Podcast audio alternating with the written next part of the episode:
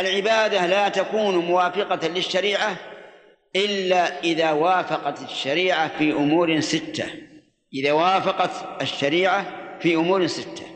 أن تكون موافقة للشريعة في السبب أن تكون موافقة للشريعة في النوع أن تكون موافقة للشريعة في الصفة تكون موافقة للشريعة في الزمان تكون موافقة للشريعة في المكان تكون موافقة للشريعة في الهيئة. ستة أشياء.